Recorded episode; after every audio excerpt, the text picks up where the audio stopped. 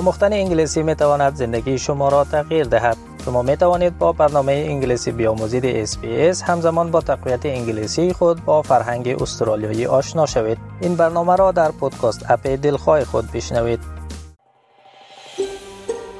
شما با پروگرام دری رادیوی SBS هستید.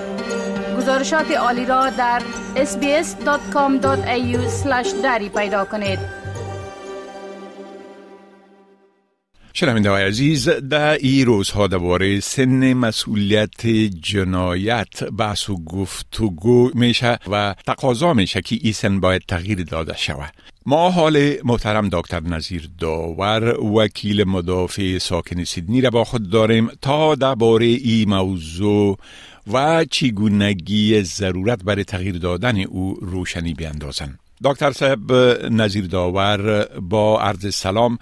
خب اولتر از هم سن مسئولیت جرمی زمانی است که یک شخص مسئول یک جرمی که مرتکب میشه دانسته شده می‌تونه بله؟ سلام چکیب من هم به نوبه خود خدمت شما و همه دوستایی که صدای ما شما را از طریق امواج رادیوی شما میشنون تقدیم می‌کنم. بله جرمی که انجام میشه شخص مسئولش میشه که او یک سن معین خود داشته باشه.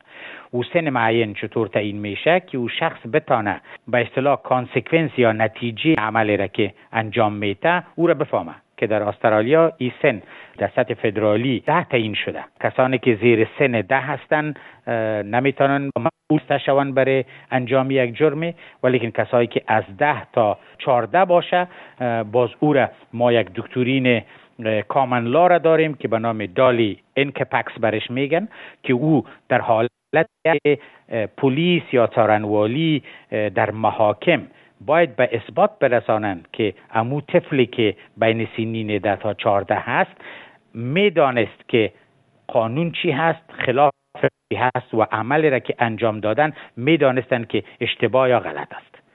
در این صورتش میتانه او شخص مسئول جرم باشه. در غیر صورتش کس که از ده پایین باشه مجرم شناخته نمیشه و کس که بین ده و چارده باشه و چارنوالی نتانه او را اثبات بکنه که او شخص می‌دانسته چی درست است چی نه او کسان نمی‌تونن مسئولیت جرمی به گردنشان انداخت. بله خب در چنانچه در مقدمه گفتم در این و روز صحبت های بسیار در بار سن مسئولیت جرمی یا جنایی میشه. و قرار است که تغییرات هم در سن مسئولیت جرمی به وجود چرا که مردم میگه که ای بسیار پایین است ای سن که است باید ای افزایش بیابه. و البته در ایالات مختلف سن مسئولیت متفاوت است. بله؟ بله شکیب قبلا ما ذکر کردم فدرالی خود کرایمز اکت 1914 که یک عکت فدرالی است. ماده چهار امش به سراحت ایره میگه که سن باید ده باشه ولیکن خود دالین که پکس همی دکترین هم باز سراحت داره در میانش که ای باید تطبیق شود که بین ده تا چهارده که پیشتر توضیح کردم. ولیکن این پرنسیب فدرالی در همه ایالات ما به شکل یکسان در قوانین جا نداره. در بعض قوانین بعض ایالت ها مثلا ویکتوریا مثلا ساوت استرالیا در این قوانین تغییر تغییرات درش به وجود آمده. ولیکن در همه از همه ای ایالت ها در اکثریتش سن سن ده هست. مثلا در ویکتوریا اقل سن ده فعلا است ولیکن او را می‌خواین حال به سن دوازده تبدیل بکنن. که حتی می‌خواین تا سن تا 2027 او را به سن 14 تا برسانند و ولیکن در قوانین ویکتوریا دکترین دالین کپکس جا نداره. در ایالت نیو ساوت ویلز مثل فد... موقف مثل فدرالی داره.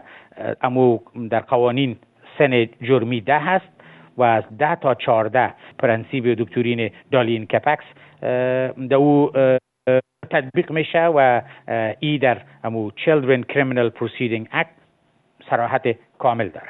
در ایالت کوینزلند باز هم دست و دالین کپکس در اوج هم شامل هست که در در خود کریمینال کود 1899 در ماده 29 یک و 29 دوش ای به صراحت درد شده.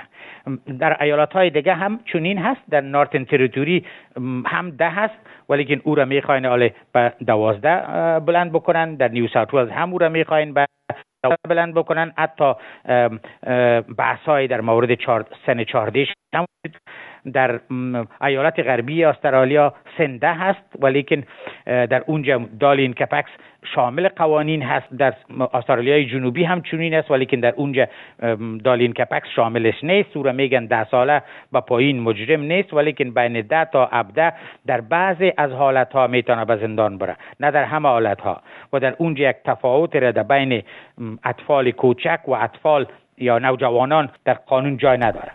در تزمانیا هم چنین است. ایالات تقریبا همینطور یک موقف را داره که ده هست و در تلاش ازی هستند در بعض ایالات ها که او را تغییر بتن و در بعض ایالات ها هم دالین که پکس اجراست و شامل قوانین است در بعضش نیست. بله. خب با اطفال خردسالی که پایین تر از سن مسئولیت جرمی هستند چی معامله میشه؟ آیا والدینشان مسئول دانسته شده می‌تونن؟